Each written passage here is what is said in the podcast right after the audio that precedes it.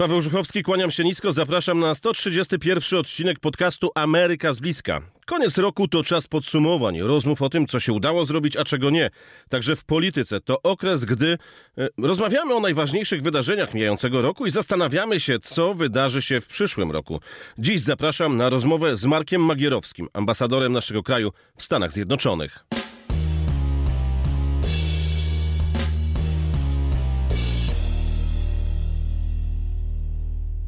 Marek Magierowski, ambasador Rzeczypospolitej Polskiej w Waszyngtonie jest moim gościem. Dzień dobry. Dzień dobry panie ambasadorze. Panie ambasadorze, z moich informacji takich nieoficjalnych wynika, że po sprawie w Przewodowie w Departamencie Stanu długo analizowano to, jak zareagowała Polska. Według moich informacji wysoko oceniono e, sojuszniczą lojalność, że czekano na e, rozmowy z sojusznikami, że nie było histerii, krótko mówiąc. E, taką informację otrzymałem. Czy pan też otrzymał taką informację, Zawsze że ta sprawa boję- była bardzo mocno analizowana? Zawsze się boję pytań, które zaczynają się od sformułowania według moich nieoficjalnych informacji. No ale sprawdzają się? Sprawdzają się. Pana nieoficjalne, informacje rzeczywiście, ja sam osobiście w rozmowach, e, które prowadziłem tuż po tym incydencie słyszałem bardzo wiele pozytywnych opinii e, na temat tego, jak polskie władze się zachowały w tej sytuacji i jak e, bezbłędna była koordynacja. Przede wszystkim na linii Warszawa-Waszyngton, ale także, czy też Bali, bo wtedy na Tak, tej indonezyjskiej wyspie przebywał. przebywał nie tylko prezydent Biden, ale też sekretarz Blinken i doradca Sullivan y, i z nimi się kontaktował między innymi prezydent Duda, ale także y, minister Siewiera i minister Rau. Więc ta koordynacja była rzeczywiście y, przykładowa i bardzo doceniona przez stronę amerykańską. De facto to była pierwsza tego typu sytuacja, w której nie tylko Stany Zjednoczone i Polska jako dwaj bardzo bliscy sobie sojusznicy, ale w ogóle całe NATO musiało zareagować w sposób no, niekonwencjonalny, ponieważ pierwszy raz NATO z takim przypadkiem się spotkało. I to była lekcja przyspieszona, przyspieszony kurs, ale wydaje mi się, że wszystkie te kraje, które były jakoś zaangażowane w rozwiązanie tego napięcia, y, no, spełniły swoje zadanie. Panie ambasadorze, ale z tego coś będzie wynikać. Czy pozycja Polski jest teraz lepsza? Rzeczywiście potwierdziliśmy to, że y, jesteśmy takim sojusznikiem, któremu warto i można zaufać? To pytanie musiałby Pan zadać z, z naszym przyjaciołom e, tutaj w Waszyngtonie, z Departamentu Stanu, z Białego Domu, z Narodowej Rady Bezpieczeństwa, ale powtórzę tylko to, co powiedziałem minutę temu. Z moich rozmów mm, i tych oficjalnych, i tych bardziej prywatnych wynika, że rzeczywiście, mm, y, rzeczywiście Amerykanie doceniają to, jak się zachowaliśmy w tej konkretnej sytuacji, ale gdy spojrzeć na ostatnie miesiące i działania i polskich władz, i amerykańskich, i koordynację tych działań w kontekście wojny e, prowadzonej przez Rosję w, w Ukrainie. e, Rzeczywiście ta pozycja Polski, jeżeli pan o pozycję Polski w Waszyngtonie pyta, Oczywiście. wzrosła e, znacząco. Tu chodzi mi o Pana kontakty dyplomatyczne. Czy po prostu to coś zmienia? No, Wzrosła, zapewne. wzrosła y, znacząco i oczywiście y, myślę, że jestem w stanie odróżnić zwykłą, pustą kurtuazję od, y, od szczerości. Y, I ta, ta szczerość rzeczywiście pojawiała się w bardzo wielu rozmowach, kiedy na przykład już zaczęliśmy rozmawiać o konkretnych planach e, na, na przyszłość, czy o tym, jak Polska świetnie sobie radzi, także y, już nie wracając do, do kwestii przewodowa, ale jak, jak świetnie współpracujemy, w, jeśli chodzi o dostarczanie sprzętu wojskowego na Ukrainę, jak dobrze radzimy sobie w, staraniach dyplomatycznych o to, żeby, żeby te dostawy i żeby to wsparcie dla Ukrainy trwało. Jeśli Pan pozwoli, jedno zdanie dopowiem, bo to jest jeden z też z priorytetów, o, o, o których staramy się tutaj jako, jako pracownicy ambasady w naszych rozmowach na różnych szczeblach e, rozmawiać i, i jakby e, zwracać uwagę na ten problem. Jak Pan doskonale wie, pojawiło się sporo głosów, szczególnie w czasie kampanii do wyborów e, cząstkowych w kongresie, e, szczególnie ze strony jednej z partii, e, której politycy em, twierdzili, iż Ameryka już trochę za dużo wydaje pieniędzy i zbyt mocno zaangażowana. Domyślam się, że to jest kolejne Panie pytanie. ambasadorze, mam takie pytanie, ale chciałbym zrobić teraz krótką przerwę. Ambasador Marek Magierowski jest moim gościem. Dalsza część rozmowy w RMF24, internetowym radiu, także na stronie RMF24 i w mediach społecznościowych. Panie ambasadorze, wracamy do rozmowy. Pan już zaczął, ale to było moje pytanie. Nie umawialiśmy się. Rozmawiamy po wyborach, e, po tym jak przeliczono wszystkie głosy, bo w niektórych miejscach e, głosy liczono jeszcze raz. Była też dogrywka w Georgii. Obawia się pan tego, a może się pan tego nie obawia, że politycy Partii Republikańskiej będą chcieli spełnić swoje wyborcze zapowiedzi, czyli e, ograniczenia pomocy dla Ukrainy. Opowiem krótko o niedawnej wizycie pana ministra Zbigniewa Rała w Waszyngtonie, podczas której spotkał się nie tylko ze swoim odpowiednikiem, sekretarzem Blinkenem, ale miał też właśnie serię spotkań z e, przedstawicielami kongresu. E, I za każdym razem, niezależnie od tego, czy rozmawiał z demokratami, czy republikanami, słyszał zapewnienia o tym, że to ponadpartyjne wsparcie dla Ukrainy nie zmieni się i będzie na tym samym poziomie i jakby finansowo i też mentalnie, politycznie, co do tej pory. Oczywiście można założyć, że, że jednak będzie pewna grupa polityków republikańskich, którzy będą cały czas ten temat podnosić starając się wykorzystywać to politycznie, ale wewnętrznie bardziej niż jeśli chodzi o, o, o sferę polityki zagranicznej, co jest po części oczywiście zrozumiałe. No, mnie jako dyplomacie, jak pan się domyśla, niezręcznie jest krytykować głosy, opinie polityków e, tego czy innego obozu politycznego tutaj w Stanach Zjednoczonych, ale podkreślę, że w, w pewnej mierze jest to zrozumiałe, ponieważ dla przeciętnego wyborcy nie w Waszyngtonie, nie w Nowym Jorku, tylko w Nebrasce, w Oklahomie, Dakota w Ohio, Północna, tak, tak południowa. Dużo ważniejsze są y, Y, ceny y, paliw, dużo ważniejsza jest inflacja, a nawet dużo ważniejsze są spory dotyczące aborcji, wojen kulturowych. Tak, dzisiaj, Bliższa koszula ciału, tak. tak to się które, tutaj też sprawdza. O których dzisiaj czytamy na pierwszych stronach gazet, gazet i na, na, na pierwszych stronach portali internetowych. Bliższa koszula ciału. Ukraina mimo tego, że y, wy, występuje w mediach, funkcjonuje od wielu miesięcy, yy, znaczy no, mówiąc trochę cynicznie, my też korzystamy, kiedy rozmawiamy o naszej rosnącej roli, to, to Polska też tam w tych wszystkich materiałach dziennikarskich, e, w rozmowach i w debatach się pojawia.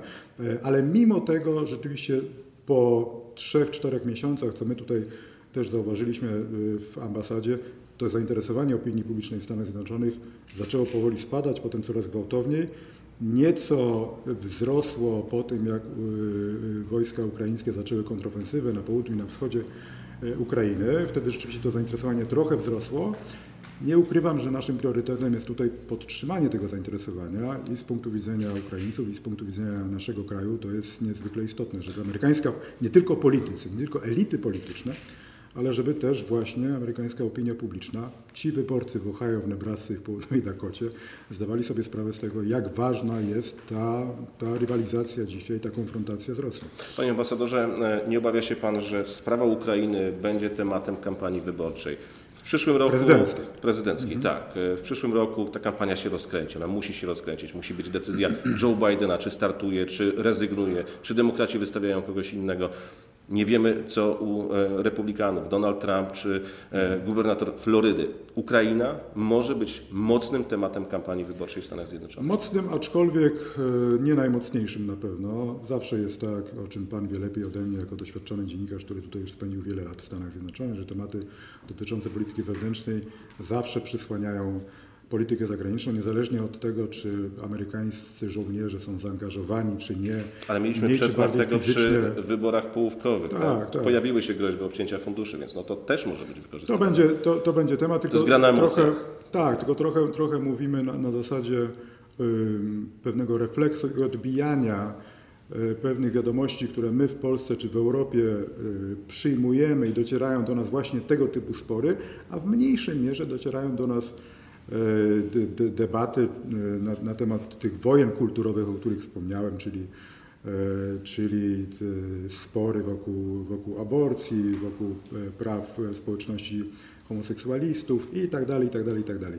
To jest jednak, nie wiem czy Pan się ze mną zgodzi, trzy czwarte pewnie tematów poruszanych przez polityków, niezależnie od tego, czy prowadzą bardziej czy mniej intensywną kampanię. Pełna zgoda co do tego, że podczas kampanii prezydenckiej temat Ukrainy E, będzie się pojawiał. Ukraina Dużo to są pieniądze, tak? A Oczywiście. pieniądze interesują Amerykanów, Ale jak pan, podatki. Jak pan, wie, e, jak pan wie, dużo zależy, czy najwięcej tak naprawdę zależy od tego, co na samej Ukrainie będzie się w najbliższych miesiącach działo. Oczywiście myślę, że i Pan, i ja trzymamy kciuki za to, Absolutnie. żeby, żeby Ukraina e, tę wojnę e, wygrała. To jest jakby bardziej niepokojące, jeśli chodzi o, o wizję e, niedalekiej przyszłości. Co wydarzy się w przyszłym roku e, na wschodzie Ukrainy? e, Czy Ukraińcy będą w stanie podtrzymać swoją kontrowersję militarną? Jak poradzą sobie z tymi barbarzyńskimi atakami na infrastrukturę cywilną? Jak przetrwają zimę?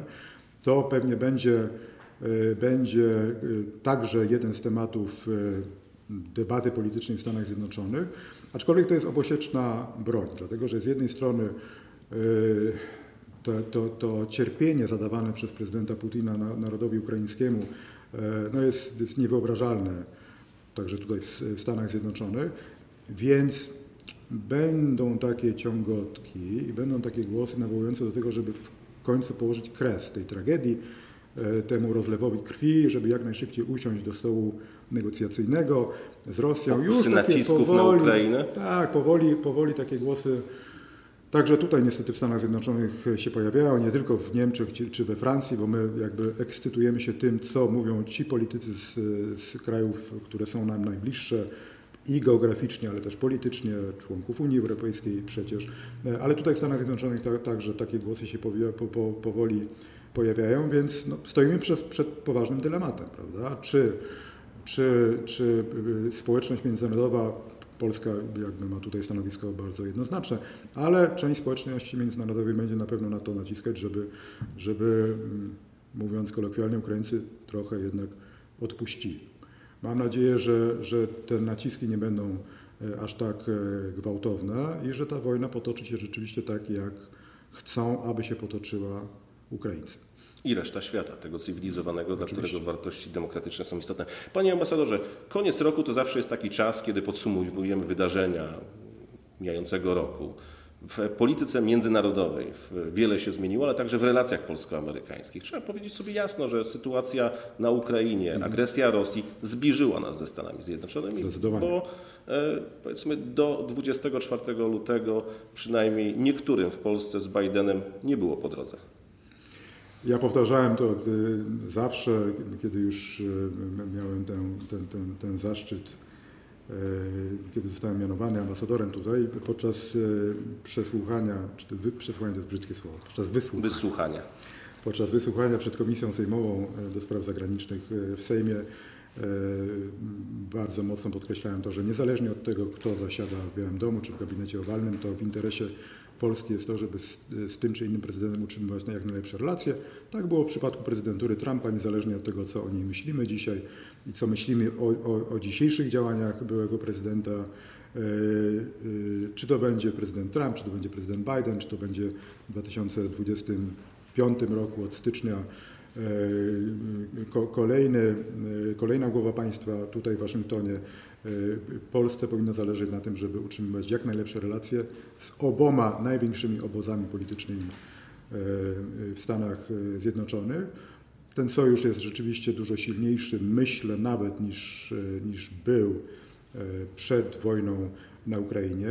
Pamiętajmy o tym, że oprócz współpracy militarnej musimy do tego jakby równania dorzucić także bardzo intensywną współpracę, współpracę gospodarczą, umowy dotyczące energetyki jądrowej, kolejne inwestycje e, wielkich firm technologicznych w Polsce jak Google czy Microsoft, o czym czasami zapominamy, ponieważ e, dużo łatwiej jest zwizualizować elektrownię jądrową, czy, czy czołgi, czy patrioty, niż e, chmurę internetową. Prawda?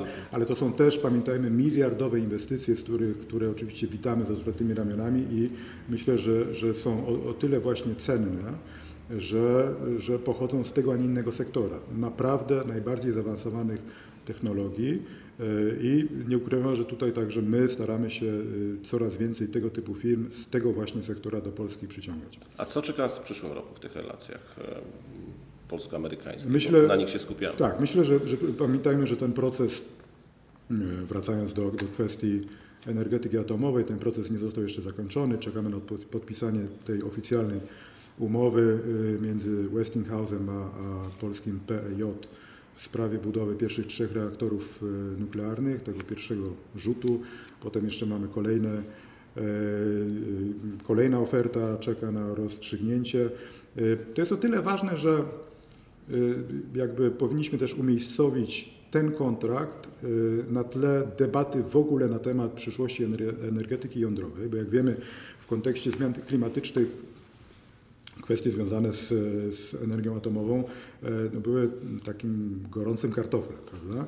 Niemcy, jak pan wie, wycofały się z energetyki jądrowej, potem niemiecki nowy rząd miał, zaczął mieć wątpliwości, w końcu pozostawiono, jeśli dobrze pamiętam, dwa reaktory, które wciąż będą działały. Więc w przypadku inwestycji amerykańskiej to jest też ważny sygnał, nie tylko biznesowy, ale też polityczny, że oto uznajemy i Polska, i Ameryka, że to jest ta właściwa droga, żeby skutecznie walczyć ze zmianami klimatycznymi, a jednocześnie zapewnić bezpieczeństwo energetyczne, w tym wypadku Polski, ale jeżeli inne kraje, oczywiście jest, jest cała masa krajów, które od wielu lat bazują na energetyce jądrowej, czy to będzie Francja, czy niektóre kraje skandynawskie, ale myślę, że w przypadku tego regionu Europy to jest właśnie bardzo ważny sygnał polityczny, że oto energetyka jądrowa jest ważna, bezpieczna, pamiętając o tym, że no po, po, tylu latach od katastrofy w Czarnobylu, czy nawet po ilu, 11, jeśli dobrze pamiętam, latach po katastrofie Fukushima, Fukushima tak. To jednak mówimy o zupełnie innych technologiach, bezpiecznych i proszę zwrócić uwagę na, na co też, o czym też przypominamy naszym partnerom amerykańskim i o czym oni też zresztą doskonale wiedzą, proszę zwrócić uwagę na konsensus, który panuje w Polsce, jeśli chodzi o energetykę jądrową. Oczywiście są środowiska politycy, eksperci, którym te plany się nie podobają. Ale jednak, jeśli porównamy nastroje społeczne z nastrojami w Niemczech choćby, mhm. u naszych sąsiadów, no to kontrast jest ogromny, prawda? Jednak Polacy, przynajmniej na tym etapie, nie boją się energetyki jądrowej i wiedzą doskonale, że to jest duża szansa dla nas wszystkich. Panie ambasadorze, czy dojdzie do wizyty prezydenta Andrzeja Dudy w Białym Domu? Mam taką nadzieję. Prezydent Biden, jak pan doskonale wie, był, to był luty, jeśli dobrze pamiętam, albo marzec, marzec chyba. Po wybuchu wojny, mówimy o wizycie w Polsce. Był, tak, czyli to był marzec. Był w Polsce, był w Warszawie, był w, w Rzeszowie. Mamy nadzieję, że do wizyty pana prezydenta Dudy dojdzie także w Waszyngtonie. Teraz jest okres politycznie bardzo gorący, także tutaj z no, punktu widzenia ale Ameryki... w kalendarzu miejsce dla prezydenta Francji się znalazło. Znalazło się miejsce dla prezydenta Francji. Ta wizyta zresztą była umawiana, jak pan wie, od wielu miesięcy. Mam nadzieję, że znajdzie się także kalendarzu miejsce dla prezydenta RP. Bo wie pan, że niektórzy eksperci Twierdzą, że to jest w ogóle najważniejszy element. To jedna, ale druga rzecz, że relacje polsko-amerykańskie są dobre, bo Amerykanie potrzebują Rzeszowa i nas jako tego takiego miejsca do przerzucania pomocy, natomiast ta, te relacje nie chcę tutaj mówić dyplomatyczne, bo to będzie zahaczało Pana, ale takie polityczne, to pozostały na tym samym poziomie, co przed wojną. Pan się z tym zgodzi? Takie opinie słyszałem, że właśnie tak niektórzy to odbierają. Skoro nie ma wizyty, to Odpowiem Ukraina jedną, jedną sprawą jest, natomiast polityka drugą. Odpowiem dyplomatycznie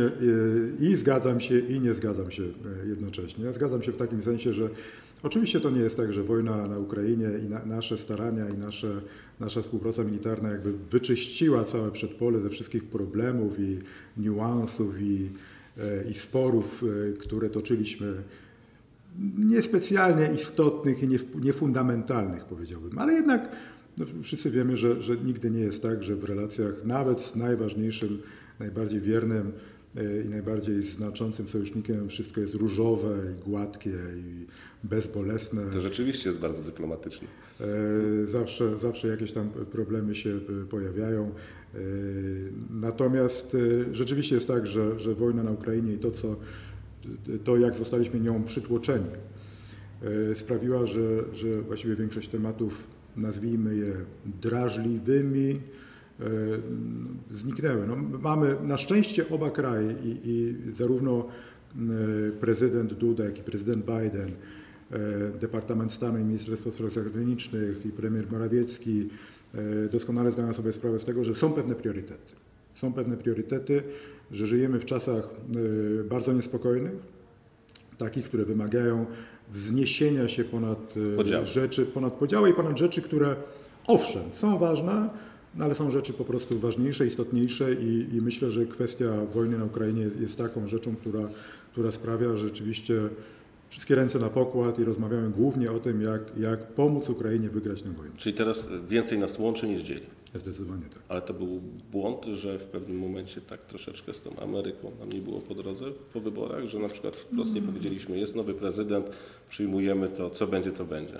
Bo tak ten rok trochę straciliśmy. Nie, nie myślę, nie, nie, nie sądzę, żebyśmy, żebyśmy ten rok stracili. Pamiętajmy, że, że w samej Ameryce te, te spory wokół tego, jak wyglądały wyniki wyborów prezydenckich, toczyły się bardzo długo, właściwie wciąż się e, toczą. I jeszcze Powtórzę- będą przy okazji kolejnej tak, kampanii. oczywiście, niewątpliwie. E, Ja powtórzę je- jeszcze raz, niezależnie od tego, kto rządzi Stanami Zjednoczonymi, w Białym Domu, kto ma większość w Kongresie, kto ma większość w Senacie, e, my jako dyplomaci, my jako, my jako przedstawiciele Polski tutaj w Waszyngtonie e, zawsze staramy się rozmawiać ze wszystkimi stronami. Panie redaktorze, ja, ja nie ukrywam, że w ostatnim czasie spotykałem się głównie właśnie ze zwolennikami prezydenta Trumpa. Dlaczego? Dlatego, że to ich- Przygotowując grunt, Nie. tak nie, to ich właśnie powinniśmy przekonywać do tego, że ta pomoc, o której już kilka razy wspominałem dla Ukrainy, powinna być elementem, powinna zostać jakby wyciągnięta, wyjęta ze tych sporów wewnętrznych amerykańskich. Przekonywanie przekonanych oczywiście Nie jest, jest bardzo wygodne i miłe, e, ale w przypadku naszych działań dyplomatycznych dużo ważniejsze jest to, żeby rozmawiać właśnie z ludźmi, którzy, którzy mają wątpliwości co do dalszego wspierania Ukrainy. To ich należy przekonywać. I dlatego w ostatnim czasie, w ostatnich tygodniach e, mieliśmy, nie tylko ja, też moi współpracownicy, rozmawialiśmy w dużej mierze właśnie z przedstawicielami tego trochę bardziej radykalnego skrzydła Partii Republikańskiej, cały czas nieustająco i uparcie przedstawiając stanowisko Polski i po części też stanowisko Ukrainy, bo, bo nie ukrywam, że tutaj trochę czujemy się także adwokatami, nawet nie trochę, bardzo czujemy się adwokatami Ukrainy w naszych rozmowach też z politykami amerykańskimi. Panie ambasadorze, o to też chciałem zapytać, bo mm, ja widzę Pana aktywność na Twitterze, zdjęcia z różnymi politykami. Czy w czasie tych rozmów poruszana jest kwestia tego, co będzie po wojnie? Bo myślę, że to jest już ten czas, kiedy trzeba zacząć myśleć, bo sojusze się przewartościowały, czeka nas nowy porządek w Europie. Nie wiemy, y, w jaki sposób skończy Rosja, jak skończy Władimir Putin, bo przecież są głosy, że no, Władimir Putin nie powinien w żaden sposób rządzić dalej na terenie Rosji. Co prawda na to wpływu nie mamy, ale czas się zacząć zastanawiać, jak to się wszystko poukłada. Nie mamy na to, na to wpływu, to po pierwsze, czy też minimalny. Po drugie, jak Pan doskonale wie, e, nie tylko sam Putin i jego najbliżsi współpracownicy, ale w ogóle społeczeństwo rosyjskie dosyć mocno wyczulone na, na, Ataki z zachodu. ta, na ingerencję szeroko rozumianego Zachodu w ich, w ich jakby wewnętrzne sprawy polityczne. Niezależnie od tego, jak oceniamy reżim e, dzisiaj w Federacji Rosyjskiej. Opowiem Panu, e, e, kiedy pyta Pan o to, czy rozmawiamy na temat przyszłości Ukrainy. Wczoraj dosłownie miałem okazję, zostałem zaproszony przez ambasadora Rumunii na spotkanie w, w towarzystwie przedstawicieli think tanków amerykańskich, ale także ludzi z Departamentu Stanu oraz kilku ambasad krajów sąsiednich. Był tam też przedstawiciel Ukrainy, e, ambasad krajów sąsiednich, ale nie tylko. Między innymi był tam też e, zastępca ambasadora e, Japonii. I rozmawialiśmy właśnie, znaczy głównym tematem tej, tej rozmowy przy lunchu, ale ona miała formę raczej takiej konferencji czy też panelu, była odbudowa Ukrainy. I stąd między innymi obecność ambasadora Japonii, bo jak pan wie, rząd japoński też się zadeklarował jako ten, który będzie gotów rzeczywiście wyłożyć spore sumy pieniędzy na to, żeby Ukrainę odbudować.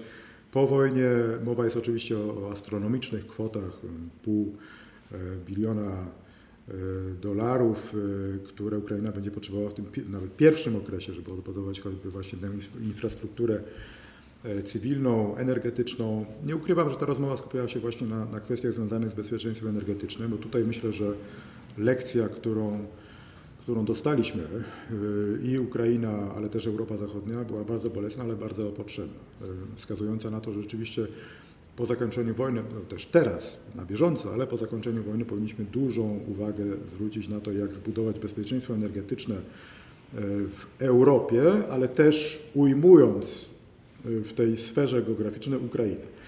Ja wczoraj powiedziałem, że jednym z zadań jest nie tylko fizyczna odbudowa Ukrainy, ale też patrzenie trochę długoterminowo na to, jak wciągnąć Ukrainę w ten europejski obszar mentalnie nawet, nie tylko polityczny. Jak, jak połączyć w pełni energetykę ukraińską z europejską, ale też jak połączyć politycznie Ukrainę z Europą.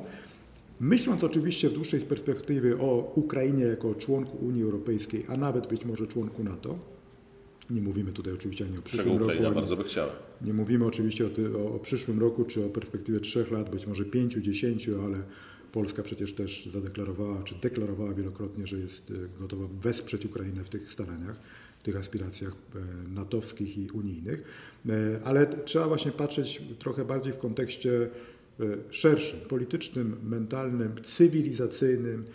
Ukraina udowodniła i Ukraińcy sami udowodnili, że są narodem stricte europejskim. No, patrząc na ich walkę, na to wszystko, to który kraj powinien mieć miejsce w NATO, jak nie Ukraina, która tak walczy i e, radzi sobie z rosyjskim najeźdźcą. Panie ambasadorze, czy w przyszłym roku czeka nas problem Iranu i Korei Północnej? To są państwa, które mocno wspierają e, Rosję w tej chwili. Czeka nas w przyszłym roku i w następnym i w kolejnych latach. Myślę, że. Ale pytam w kontekście tego, czy nie dojdzie do takiej eskalacji konfliktu, że Władimir Putin nie będzie chciał no, tych państw mocno zaangażować w wojnę na Ukrainę. Nie radzą sobie. To są oczywiście kraje dosyć odległe, jak Korea Północna, ale słyszymy już o otwarciu połączenia kolejowego, o wznowieniu handlu. Wcześniej te statki były przeładowywane na pełnym morzu. To pytanie już trochę wybiega po, poza moją mhm. jurysdykcję jako ambasadora RP w Waszyngtonie. Domyślam się, że mogę na to pytanie odpowiedzieć jako były dziennikarz, który się zajmował sprawami zagranicznymi. Ale pan tu rozmawia z wieloma osobami, więc myślę, że taki temat też, też się dyplomatycznie odpowiem tutaj trochę, odpowiem e, pojawiają. Odpowiem trochę szerzej. Oprócz tych, tych dylematów e, wyrażanych przez wielu polityków amerykańskich związanych z e, taką bezpośrednią, fizyczną, konkretną pomocą finansową dla Ukrainy, pojawia się też inny dylemat, bardziej e, długofalowy i bardziej geopolityczny, mianowicie to, mm, szukam odpowiedniego słowa, może nie obsesja, ale rzeczywiście dużo większe i dużo bardziej intensywne zainteresowanie tym, co się dzieje w obszarze Indo-Pacyfiku. Mhm. Mówiąc krótko, Chiny. Do jakiego stopnia Chiny są dzisiaj egzystencjalnym zagrożeniem dla Stanów Zjednoczonych, dla pozycji Ameryki jako hegemona na scenie międzynarodowej. E, I Amerykanie, większość klasy politycznej amerykańskiej, i to też wybrzmiewa w, w rozmowach mniej czy bardziej oficjalnych, e, je, długofalowo jest bardziej zaniepokojona tym, co się będzie działo tam właśnie, Dalekim Wschodzie, niż tym, co się dzieje w, we wschodniej Europie. Co znów z naszego punktu widzenia nie jest najkorzystniejszą tendencją, aczkolwiek też mm, zrozumiałą, ponieważ Chiny są e, zdecydowanie krajem silniejszym pod każdym względem niż Rosja, politycznie, gospodarczo. Zaawansowanie Chin technologiczne niektórych tutaj polityków rzeczywiście przeraża, co jest też zrozumiałe, więc e, powtórzę raz jeszcze, długofalowo bardzo wielu polityków amerykańskich, między innymi tutaj w Narodowej Radzie Bezpieczeństwa, myśli bardziej o zagrożeniu ze strony Chin geopolitycznym niż ze strony Rosji. Tym bardziej, że Rosja czy rosyjska armia radzi sobie, mówiąc najdelikatniej, średnio na Ukrainie, e, co, e, co prowadzi e, niektórych amerykańskich polityków, ekspertów, dziennikarzy do stwierdzenia, że no, z tą Rosją to sobie jako tako poradzimy, musimy się bardziej skoncentrować na, na konfrontacji e, z Chinami. Więc w tym kontekście Iran i Korea Północna oczywiście są ważne w kontekście ich programów nuklearnych, e, natomiast Chiny myślę, że w najbliższych latach, e, szczególnie jeśli wojna na Ukrainie skończy się szczęśliwie dla Ukraińców, Chiny będą, będą coraz bardziej w kręgu zainteresowań, czy nawet wyłącznie Chiny, nawet będą w kręgu zainteresowań obecnej czy następnej administracji amerykańskiej. Panie ambasadorze, a czy dojdzie do zwiększenia obecności amerykańskiej w Polsce? Ona jest już duża, ale my cały czas walczymy o to, żeby była jeszcze większa, żeby ta gwarancja bezpieczeństwa mhm. NATO, także Amerykanów, powiem Amerykanów, powie Pan, że to sprawa NATO. I, tak. e, ale czy możemy liczyć na zwiększenie tej obecności amerykańskiej w Polsce? Myślę, myślę, że możemy liczyć na zwiększenie obecności amerykańskiej w Polsce, ale jest rzecz dużo ważniejsza. Mianowicie myślę, że e, wielu członków NATO trochę się przebudziło, deklarując zwiększenie y, swoich wydatków na cele obronne. Mówię tutaj nie tylko o, o, o naszym najbliższym sąsiedzie, czyli o Niemcach, ale też, też kilka innych krajów, które uznały, że rzeczywiście to zagrożenie ze strony Rosji jest na tyle poważne i na tyle zaniedbały, zaniedbane zostały y, wydatki militarne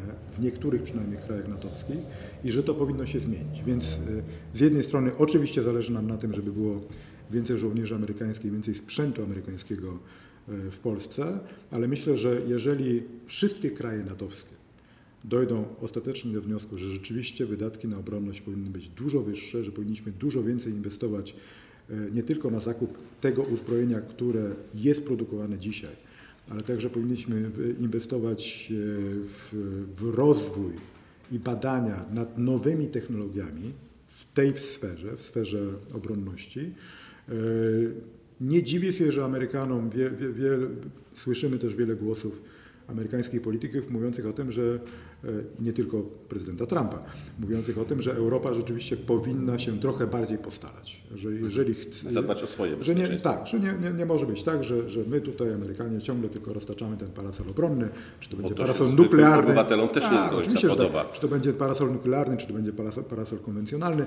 Europa trochę bardziej powinna się wysilić, żeby sama zadbała o swoje bezpieczeństwo, Pełna zgoda. My staramy się to robić, wydajemy, jak Pan wie, duże pieniądze na zbrojenia, y, kupujemy sprzęt i od Stanów Zjednoczonych, od amerykańskich firm, także od firm koreańskich, więc Polska tutaj w tym kontekście jest takim, y, trochę wyznacza y, pewien trend. I, i z jednej strony dobrze by było, żeby było więcej żołnierzy amerykańskich w Polsce, ale myślę, że nawet ważniejsze jest to, żeby Niemcy, Francuzi, Włosi, Hiszpanie, wydawali po prostu więcej pieniędzy na zbrojenia, żebyśmy my też czuli to, my, czyli kraje wschodniej wsparcie. flanki, żebyśmy też czuli wsparcie nie tylko amerykańskich żołnierzy y, w Polsce, ale też wsparcie y, innych krajów europejskich. Panie ambasadorze, mamy czas świąteczno-noworoczny, to na koniec. Czego życzy Pan Polakom? Życzę spokojnej y, zimy, bez różnych gwałtownych przygód związanych z energetyką, bo myślę, że to jest... Skokami temperatur? tak, to jest, to jest duże zmartwienie, myślę, wielu rodaków dzisiaj. E, no cóż można życzyć na święta Bożego Narodzenia wszystkim Polakom? No wiadomo czego. My spędzamy święta w bardzo zawsze rodzinnie, bardzo miłej atmosferze. Cieszy mnie też to, że ta tradycja i ta atmosfera e, nie zagubiła się także tutaj w Stanach Zjednoczonych. Wczoraj między innymi miałem okazję mm, uczestniczyć w przyjęciu e, świątecznym u generała Marka Mileja, czyli główno... Widziałem zdjęcie. Do, do, dowódcy, de facto najważniejszego generała nie tylko w Stanach Zjednoczonych, no, najważniejszy żołnierz. Tak? najważniejszy żołnierz w Stanach Zjednoczonych, e, który zaprosił taki mały zespół muzyczny Armii Amerykańskiej i śpiewaliśmy jej Jingle Bells, jeszcze nie kolendy na szczęście, do kolęd jeszcze mam trochę czasu, ale atmosfera była bardzo świąteczna i wszyscy sobie życzyliśmy wesołych świąt Bożego Narodzenia, nie tylko Happy Holidays, ale to Boże Narodzenie wciąż jest tutaj żywe, co mnie bardzo cieszy, no, na pewno dużo żywsze też w Polsce. Wszystkim słuchaczom RMF-u życzę najlepszych, najcieplejszych, e, błogosławionych świąt Bożego Narodzenia. Panie ambasadorze, bardzo, bardzo dziękuję za ja rozmowę. Dziękuję Marek Magierowski, ambasador Rzeczypospolitej Polskiej w Waszyngtonie był moim gościem. Dziękuję. Dziękuję.